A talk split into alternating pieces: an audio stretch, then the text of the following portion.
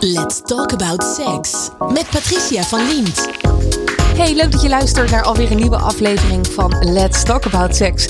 En vandaag is mijn gast Juri Olrichs, seksuoloog en senior medewerker programma Seksuele Vorming bij Rutgers.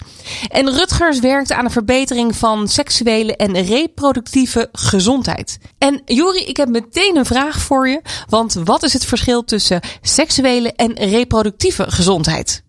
Ja, nou, het, gaat eigenlijk, eh, het zijn eigenlijk twee handen die samenwerken. De seksualiteit gaat over hoe je je seksualiteit beleeft zonder dat daar voorplanting eh, bij komt kijken. Hm. En ja, 99% van de seksuele activiteiten die de mensen doen zijn gericht op andere dingen dan voorplanting. 99%?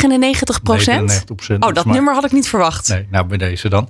En ehm, ja, de reproductieve gezondheid is ook dat je uh, op een gezonde manier, maar ook uh, goed geïnformeerd, al dan niet kan besluiten om te proberen een gezin uh, of, of, kinderen te krijgen. Ja, ja. Oh, wat interessant. Ja. Maar die cijfers liggen, ik neem aan, in Europa en Azië, Afrika misschien weer een beetje verschillend? Uh, hoe bedoel je?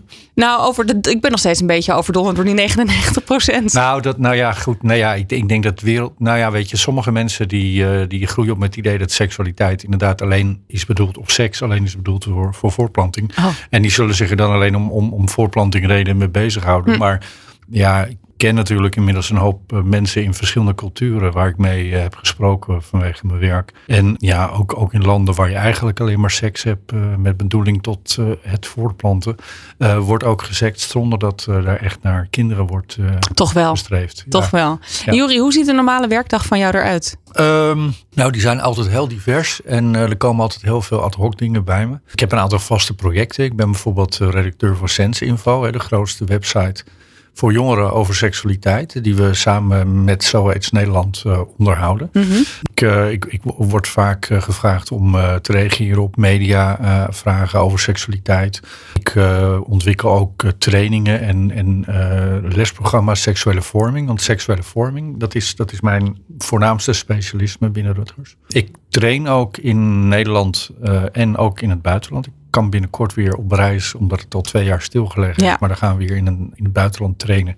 En dat gaat dan, uh, om, om je even een voorbeeld te geven, dat is een training voor begeleiders van mensen met een of uh, sorry, een training voor uh, begeleiders van kinderen met een lichamelijke beperking. Oh. En die willen dan uh, met die kinderen over seksualiteit gaan praten, seksuele voorlichting, en een beetje ondersteunen bij een positieve seksualiteitsbeleving. En nou ja, wij samen met onze partners ter plekke gaan hun daarbij helpen. Mooi. Ja, ja dat zijn toch onderwerpen waar je dan niet 1, 2, 3 aan denkt. Nee. Voordat we dit programma starten, zaten we wel even te kletsen. Het hadden het ook over sekszorg. Ja. Ja, want daar ben je ook, uh, doe je ja, ben ik ook bij betrokken. Uh, de, en uh, dat, dat is eigenlijk seksuele ja, hulpverlening of dienstverlening, een beetje hoe, hoe je dat wil, wil noemen.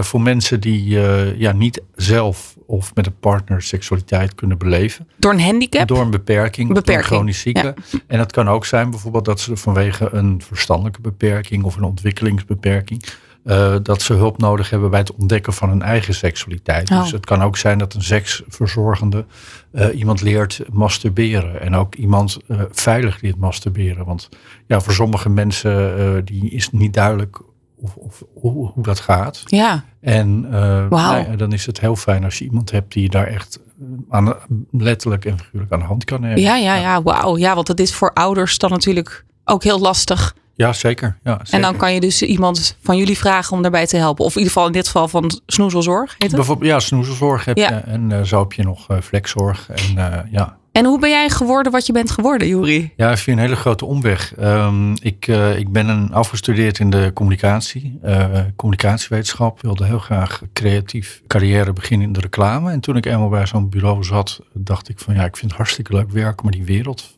bevalt me helemaal niet. Uh, ik merk dat ik toch veel meer plezier had in het, het, het, het denken over communicatie. Uh, als het gaat om, om maatschappelijk meer relevant te doen mm -hmm. dan bijvoorbeeld waar ik mee bezig was, de shampoo. Um, en omdat ik een, uh, een, een, broer heb met een uh, zwaar lichamelijke beperking, oh. die wat vragen al had over seksualiteit. We scheiden twee jaar, is twee jaar jonger. En uh, ik dacht van ja, weet je, ik, ja, ik was toen 25, hij dus 23. En hij wilde wel eens ontdekken hoe het is om seks te hebben. En ja, we zijn met z'n tweetjes. En ik dacht, goh, ja, weet je, ik kan hem eigenlijk overal mee helpen. Maar dit is een uh, gebied van zijn leven waar ik, waar ik niks mee kan. Alleen het zoeken naar een weg om waar hij zelf die seksualiteit kan beleven. Hij kan Mhm. bijvoorbeeld ook niet masturberen. Nou ja, en toen uh, kwam ik bijna vanzelfsprekend terecht bij toen nog de Rutger Stichting. En uh, toen was het eenmaal op Netflix. En niet veel later zag ik een advertentie waarin ze zochten naar voorlichters over seksualiteit. En toen dacht ik, hé, hey, dat lijkt me wel interessant. En dat werd alleen maar interessanter toen ik las dat het ook ging om uh, jongeren met een lichamelijke beperking. In ja. woonvorm of in een school, methylschool. En toen dacht ik, hé, hey, dat vind ik wel heel belangrijk en goed werk. En toen ben ik gaan solliciteren. En uh, eigenlijk ben ik sinds die tijd nooit meer weggegaan bij Rutgers. Uh, Jeetje, ja. ja. Oh, mooi. Ja, eigenlijk via je broer. Eigenlijk is het via mijn broer, ja. En, en het, het grappige is dat ik uh, in mijn communicatiestudietijd uh, liep ik uh, stage op een reclameafdeling van een grote luchtvaartmaatschappij. Mhm. En toen dacht ik, god, dat is interessant. Die mensen die reizen naar Afrika en Azië om personeel daar instructies te geven voor communicatie en marketing. Dat lijkt me wel wat. En nu en, combineer je het. Nou ja, nu doe ik het, maar dan gaat het over seksualiteit. Ja. En veel interessanter wat mij betreft en veel relevanter ook. Mooi. Ja. Mooi. Ja. Leuk om te horen. Ja. ja, want waarom ik je eigenlijk hier in de studio heb gevraagd... is Mhm. omdat ik stuitte op een, uh, een stuk van jou in de krant. Mhm. Ik las dat en daarin vertelde jij over hoe je met jongens over seks praat. Ja. Dacht ik, wauw, dat is... Oké, ja, uh, Oké, okay, ja, ik denk ook wel dat je met jongens anders over seks moet praten. Maar ik heb er natuurlijk ook, ik had er nog nooit over nagedacht. Mm -hmm. um, ik had ook meteen heel veel vragen. En eigenlijk maar de eerste waarvan ik denk dat de meeste luisteraars dat ook dan denken. Waarom praat je met jongens anders over seks dan met meisjes? Nou, omdat jongens uh, vanaf jongs af aan andere dingen horen over seks dan meisjes. Ja. En dan heb ik het vooral over de opvoeding, maar ook over de school, uh, over de media, uh, noem maar op. Hè. Mannen en vrouwen, jongens en meisjes, lijken veel meer op elkaar als het gaat om seksualiteit dan je omgeving je soms doet geloven. Ah. En heel veel seksuele vorming is door de jaren heen gericht op meisjes. Uh, risico zwanger worden, uh, zo uh, toch ook meer kans op seksueel grensoverschrijdend gedrag. Mhm. Mm -hmm. dus de boodschap was altijd nou voorzichtig. Daar jongens, daar ging het dan vaak om. En dan heb ik het over 30, 40 jaar geleden niet uit. En jongens kregen vaak de boodschap van ja, hou handen thuis en heb respect voor het meisje. Maar jongens werd altijd door de hele geschiedenis uh, veel meer toegestaan om te genieten van seks. Terwijl meisjes vaker de boodschap krijgen, pas op, kijk uit en dat hoort niet.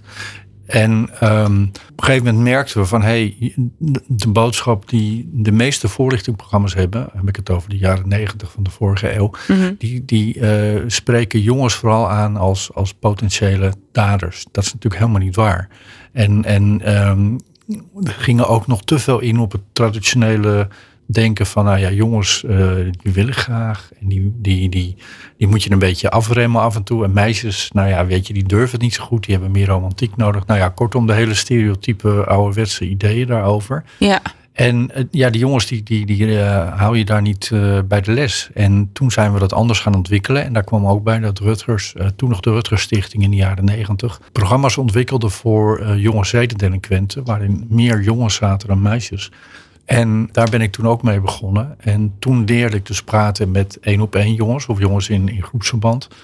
En ja, snapte ik dat heel veel jongens bijvoorbeeld niet weten dat ze uh, in een bepaalde situatie meer macht hebben. Dat, dat beseffen ze niet. Hm. En dat, dat is geen verwijt, maar dat is gewoon ja, wat je aldoende moet leren.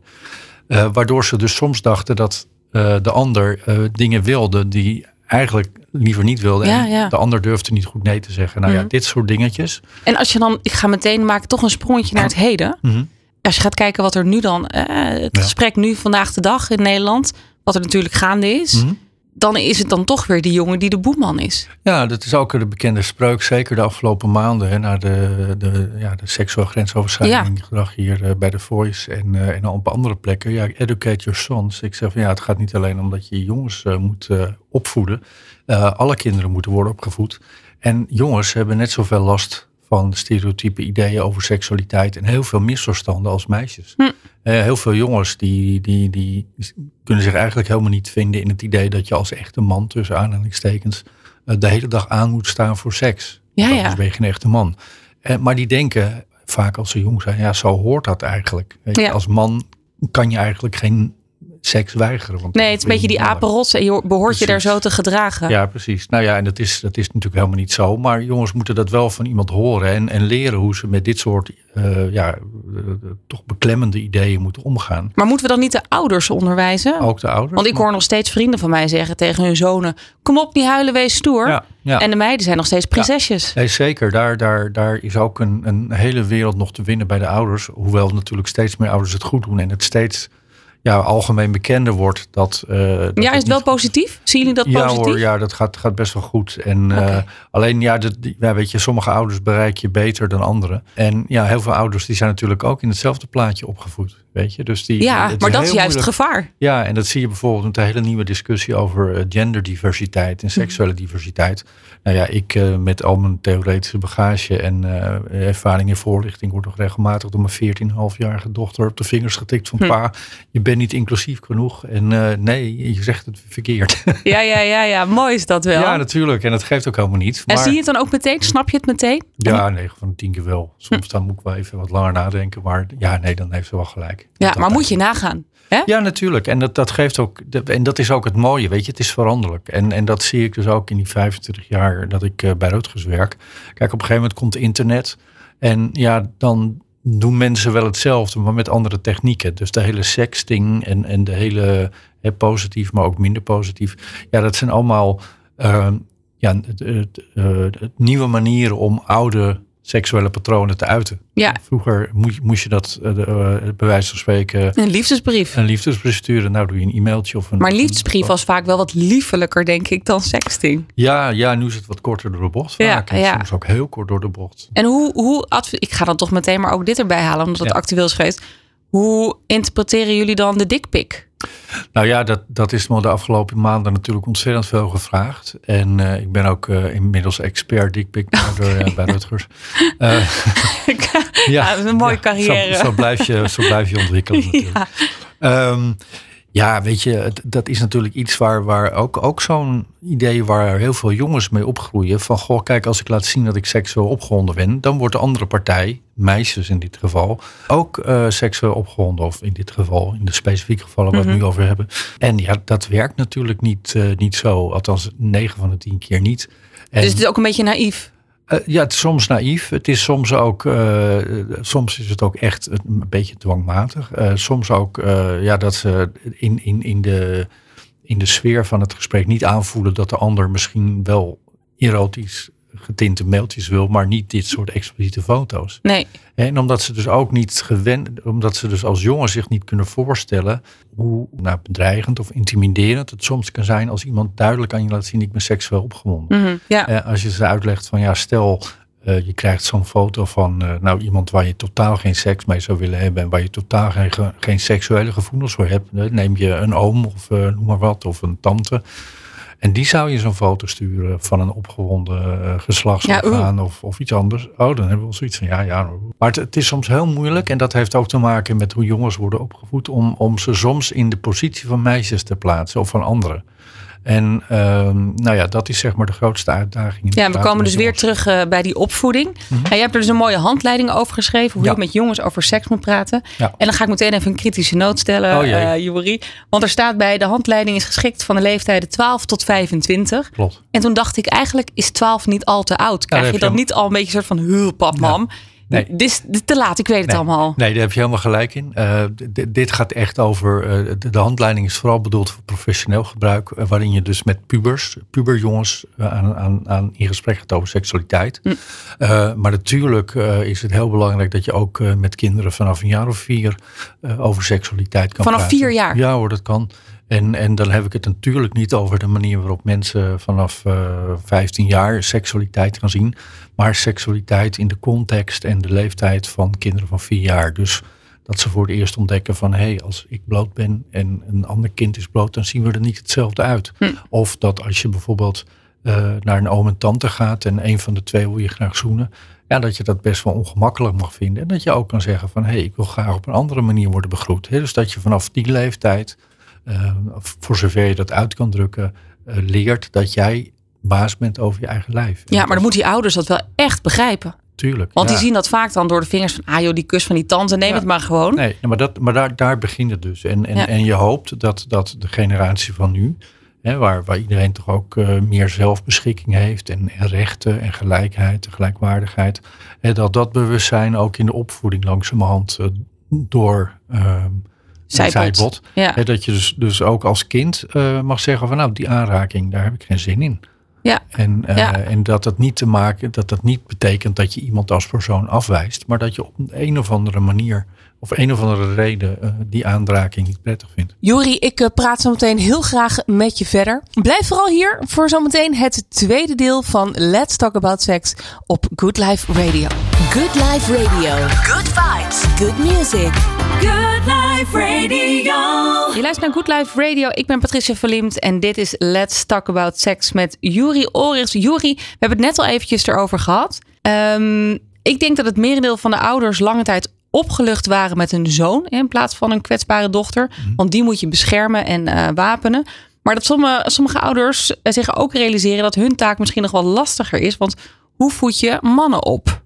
Ja, en, en eh, nou ja, zeker nu eh, we, we steeds eh, meer diversiteit overal ziet in, in gender. Hè, dat, dat, dat je leert dat mannen ook niet per se stoer hoeven zijn. Dat ze ook best over hun gevoelens kunnen praten.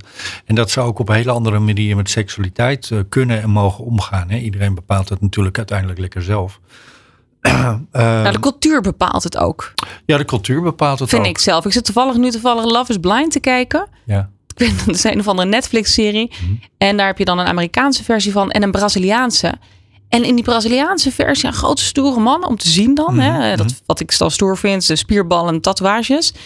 Maar ze zitten allemaal te huilen. Ja. En allemaal van, van blijdschap Ja. ook. En liefde en dankbaarheid. En dat ze de vrouw ontmoeten en kussen. Toen dacht ik, hè, complimenten ook. ja, het is totaal anders dan ja, toch even stereotyp de, de Nederlandse man. Ja, klopt. Ja, klopt. Nou ja, en dat, dat de cultuur heeft er natuurlijk ook mee te maken. Hè? Dat, dat, dat vormpje.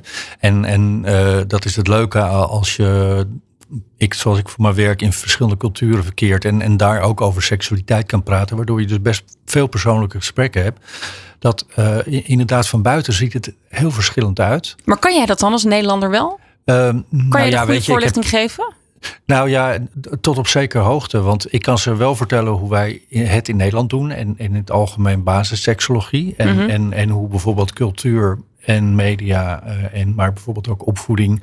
eh, en heel veel andere aspecten invloed hebben op hoe jij seksualiteit beleeft en ontwikkelt. Maar hoe je het uiteindelijk daar in de praktijk brengt. Ja, daar weten de, de mensen met wie ik werk en de mensen in mijn training het beste. Dus dat is het leuke van dat werk. Ik ga er naartoe, ik, ik, ik deel mijn kennis, mijn ervaring. Mhm. En ik, ik weet hoe ik bij hun eh, zeg maar het creatieve proces op gang kan brengen. Zodat zij leren van oké, op die manier kunnen we eens gaan kijken eh, naar onze voorlichting. En dat aanpassen aan onze omgeving. En heb jij ook wel wat van hun geleerd? Jazeker. Dat je ja. dacht, dat moet ik meenemen naar Ja, Nederland? zeker. Ja, zeker. Ja, kan je Ja. een voorbeeld geven? Nou, dat is een heel mooi en eigenlijk heel simpel voorbeeld. Dat ehm, ik, ik kom nou, bijvoorbeeld in Bangladesh. En daar zag ik ooit, eh, toen ik daar voor het eerst was, eh, twee politieagenten hand in hand over straat lopen.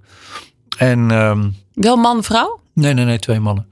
En, en toen, nou ja, ik, ik, ik had het daar met, met eh, de mensen in mijn training over. En eh, hadden we het over eh, hoe maak je contact met elkaar. En ik zeg, ik woon in Amsterdam. Nou, dat was toen de tijd nog toch wel een van de meest liberale steden. Als het ging over homoseksualiteit en seksuele diversiteit aan zich.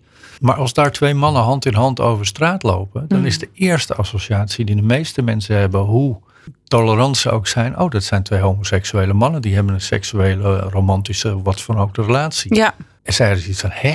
Dat kan niet hoor, want wij, dat bestaat bij ons niet. Nou, natuurlijk bestaat dat ook daar wel.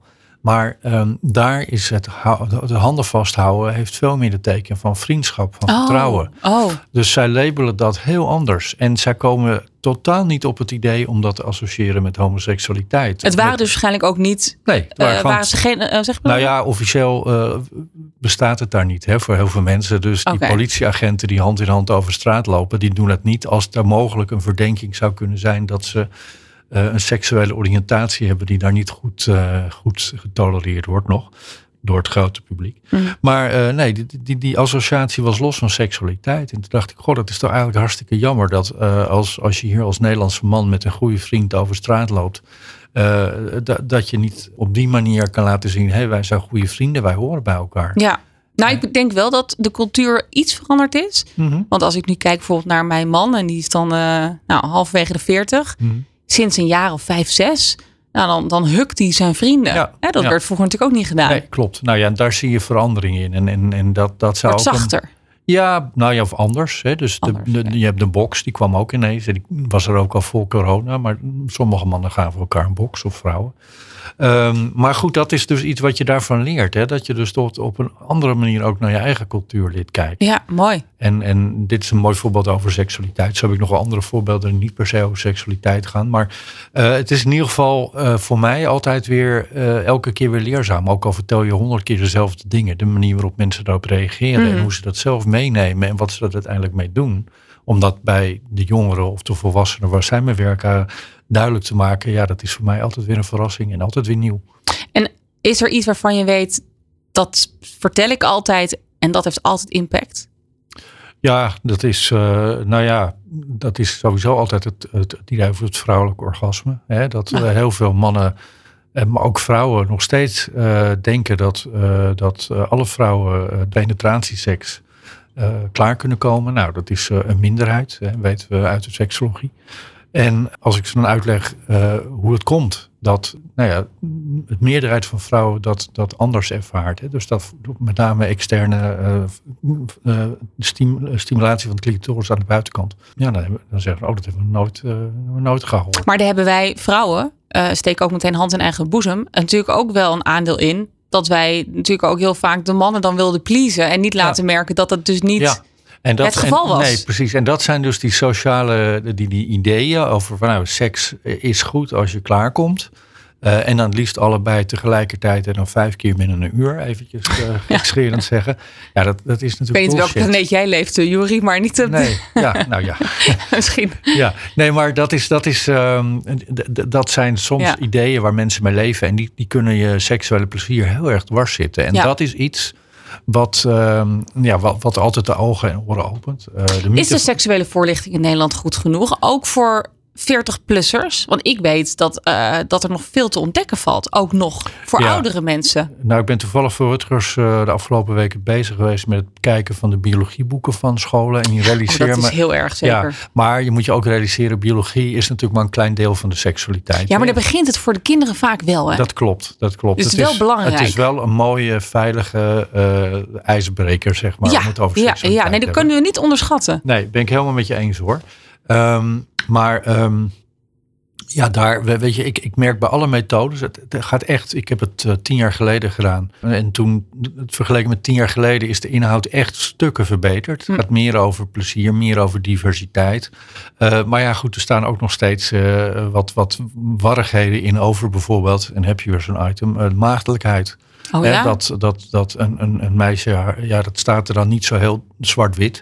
Maar je zou kunnen interpreteren dat je bijvoorbeeld door sporten eh, je maagdenvlies wordt opgericht. Nou, grote onzin. Maar het staat nog steeds wel min of meer in sommige biologieboeken. Oh ja, niet in alle gelukkig. schandalig. Ja, terwijl er gelukkig nu ook biologieboeken zijn die de clitoris in zijn volledige vorm, en dus niet alleen een, een, een knopje aan de buitenkant, hè, de eikel, maar ook de binnenkant, met alle zwellichamen daarbij, eh, af, afdrukken of, Ja, en beschrijven. beschrijven Ja, ja, dat hoorde ik toevallig ook van een vriendin van mij. Die staat voor de klas. Die zei Ja. dat. Ja. Ja, dat is, dat is een groot winstpunt. Plus eh, de, de aandacht voor diversiteit. Maar er is nog een hoop. Er gaat een hoop goed. Maar als het gaat om, om aandacht voor seksueel plezier, diversiteit, diverse beleving, gevoelens die bij seksualiteit komen spelen, hoe je communiceert over seksualiteit, ja, daar is nog heel wat te winnen.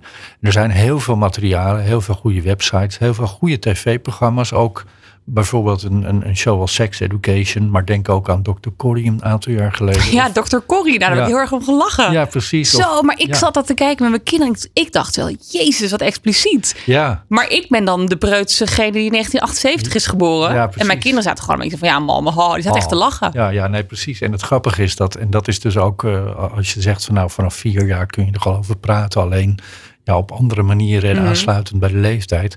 Kijk, die de kinderen van een jaar of tien, nou, die, die, die, die snappen dat seks grappig is en dat het spannend is. Maar die gevoelens, hè, die komen vast met de hormonen. Hm. En, en dan bij, bij, bij een aantal kinderen, zo vanaf 12 jaar, 14, maar gemiddeld zo 15, 16, beginnen ze te snappen en krijgen ze die gevoelens. En dan uh, is zo'n verhaal van Dr. Corrie meer dan grappig. Dan Ja, snappen ze wat ja, over gaat. Maar en wat jij net beschrijft van jouw kinderen, ja, die lachten er waarschijnlijk om. Omdat ze snappen van, oh, dit is grappig. Dat was een hele grote piemel in zo'n pak. En Ja. was er een hele grote vagina. En die Ja. piemel wilde in die vagina. Ja. Het, het was ook echt Is ook heel grappig. Mijn nou. ouders hadden vroeger de televisie uitgezet. Ja, ja. Zo van, nou wat is dit? Nou Weet je. Zo file achterwerk. Ja, Dit kijken we niet. En tegenwoordig is het gewoon op zondagochtend. En, en dat zag je bijvoorbeeld ook met gewoon bloot, weet je, waarin kinderen dus aan, aan blote volwassenen met alle consent, met alle veiligheid daaromheen, Mhm. vragen gingen stellen over het blote lichaam. En na vijf minuten ging het al niet eens meer over de geslachtsdelen, maar ging het over de beleving van de lijf. Ja. En dan nog zijn er mensen die zeggen, ja, maar dit, dit, dit, is, eh, dit, dit mag niet. Dit is eh,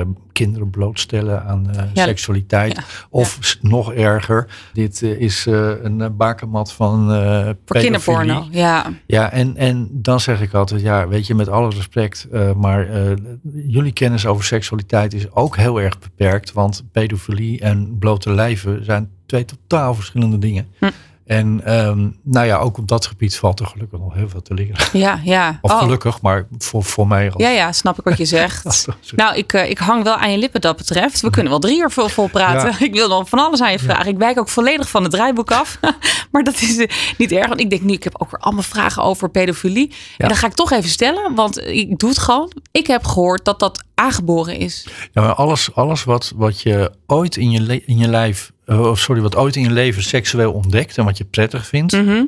dat ligt al voor je achtste, tiende jaar vast. Maar dat is Dus niet die- per se aangeboren.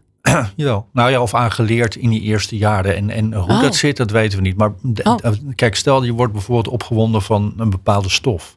Ja. Nou, daar word je niet mee geboren, want voordat je geboren werd kende je die stof nog niet. Maar op de een of andere manier ga je die, die stof eh, Associëren met... Of, associëren met iets leuks Ja. of met iets spannends. Waar het vandaan komt, als ik het wist, dan eh, had ik het boek geschreven en zat ik nu op een tropisch eiland.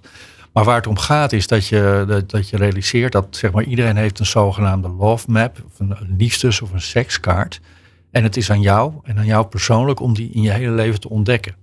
Hm. Dus, dus, en, en, en heel veel mensen die, die, die gaan maar je kan niet ontdekken als je van kinderen houdt. Dat, dat is het. dat- Nee, nee, en dat is dat. Maar dat, je kan wel ontdekken dat, dat kinderen je bijvoorbeeld seksueel opwinden. En dan moet je weten dat dat feit dat je daar opgewonden is, dat dat niet verkeerd is. In die zin van iedereen mag opgewonden worden waar je van wil. Alleen Mm. je mag er niet naar handelen. Want hè, seks met kinderen is gewoon strafbaar, punt. Ja. En gelukkig zijn er eh, heel veel mensen met pedofiele gevoelens die dat weten en daar niks mee doen. En het is maar een hele kleine groep, die om wat voor reden dan ook. En dat zijn vaak ook nog niet eens mensen met pedofiele gevoelens, maar die om een andere reden eh, seksueel misbruik maken van kinderen. Ja? Eh, Zijn er andere redenen nog? ja, die er wat mee doen. Ja, Dominantie of... of ja of, of eh, agressie of, of Oh. andere seksuele problematiek. En. Ja. ik weet niet precies hoe dat zit, maar wat ik wel weet, is dat zeg maar eh, een groot deel van de mensen die een seksdelict plegen met een kind, Mhm. is niet, heeft geen pedofiele oriëntatie.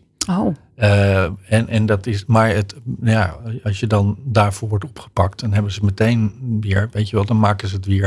Er zijn heel veel mensen die pedofiele gevoelens hebben, daar niks mee doen, Mhm. daar heel erg mee worstelen, want je zomaar Nou, het lijkt me zo het eenzaam. lijkt verschrikkelijk. Ja. Ik bedoel, maar eh, die gelukkig eh, weten dat het niet kan en, en hun manieren met hulp van seksologen of andere mensen eh, weten te vinden waardoor ze wel plezier kunnen hebben in seks, Mhm. maar binnen de wet blijven en geen kinderen aanraken. Ja, ja. Wauw. Ja. Moeilijk onderwerp. ja, is lastig. En je moet daar, de, en dat is ook eh, het, het, het interessante aan het, aan het trainen in, in communicatie over seksualiteit. Eh, ja, soms is het op eieren lopen. En, En eh, mensen, eh, stel, eh, hebben jullie wel het idee dat mensen die daarmee rondlopen wel eh, genoeg eh, hulp zoeken? Nou ja, dat is, dat is dus ook een probleem. Hè? Dus doordat seksualiteit persoonlijk is en, Mhm. en, en je het niet open bespreekt, althans alleen een beetje, zeker als je met mannen onder elkaar bent, even heel zwart-wit wordt, sorry. Maar vrouwen onder elkaar zullen het ook doen. Maar als je bijvoorbeeld elkaar, met elkaar in de kroeg over seks praat, of, eh, nou dan gaat het altijd over de leuke dingen of de grappige dingen. Maar de moeilijke dingen kom je niet zo gauw te horen. Nee. Waardoor heel veel mensen het idee hebben van, oh, ik loop er alleen mee. Of dit is een, ik, ik, ik merk dat ik opgewonden word van iets wat eigenlijk niet mag. Mhm. Ehm, nou, dan laat ik er dan maar niet over praten. Maar er zijn in Nederland eh, zeker een stuk of 600 hele goede seksologen. Die allemaal ergens bij jou in de buurt kun je die vinden. Hm. En door een paar gesprekken kun je op een, op een makkelijker en meer ontspannen manier je eigen seksualiteit eh, ontdekken zonder dat je daar eh, de wet overtreedt of eh, andere mensen eh, ja, ongelukkig maakt. Ja. ja, en uiteindelijk jezelf dan ook. En uiteindelijk jezelf. Ja. Ik wil bijna zeggen een mooi einde, maar ik heb toch nog een paar vragen aan Jori. Even kijken hoor. Ehm, hoor. ja, we hadden het net al eventjes over eh, mannen in de kroeg. Jij zei het net Mhm. al. Ja, eh, eh, ook helemaal aan het begin van het gesprek geven mannen elkaar wel het goede voorbeeld. Hè? Dus in de, in de kroeg is ook vaak een beetje dominantie van, ah, die heb ik gescoord en die avond was van mij. Nou, geloof ik niet meer echt dat mannen echt zo praten. Of toch wel? Nou, je komt ze nog wel tegen. En, en het is ook niet verkeerd in die zin van... Hey, je, natuurlijk mag je wel eens een grapje maken over seks. En natuurlijk mag je onderling wel eens eventjes seksistisch uit de hoek komen... zonder dat je mensen daar in de buurt mee beledigt. Hè? Ik bedoel, vrienden onder elkaar. Dat, dat, Maar is nu juist niet de tendens, hè, ook naar aanleiding wat er is gebeurd met het grensoverschrijdend gedrag, Ja, dat dat, is- mannen elkaar moeten aanspreken? Absoluut. Ja, nee hoor, kijk, wel, als, het, als het grensoverschrijdend gedrag moet... of het nou onder vrienden is of waar dan ook... Ja, dan, dan moet je elkaar erop leren aanspreken. En dat gebe- gebeurt gelukkig steeds meer. En je ziet ook dat steeds meer organisaties... ik denk bijvoorbeeld aan eh, de Emancipator... eh, heel erg eh, hard aan het werk is... Om, om ook dat andere beeld van mannen wat, wat makkelijker, toegankelijker te maken. En ook mannen bewust te maken van het feit... Dat, dat je daar niet in mee hoeft te gaan. Nee. En nou ja, we hadden het toen straks over opvoeding.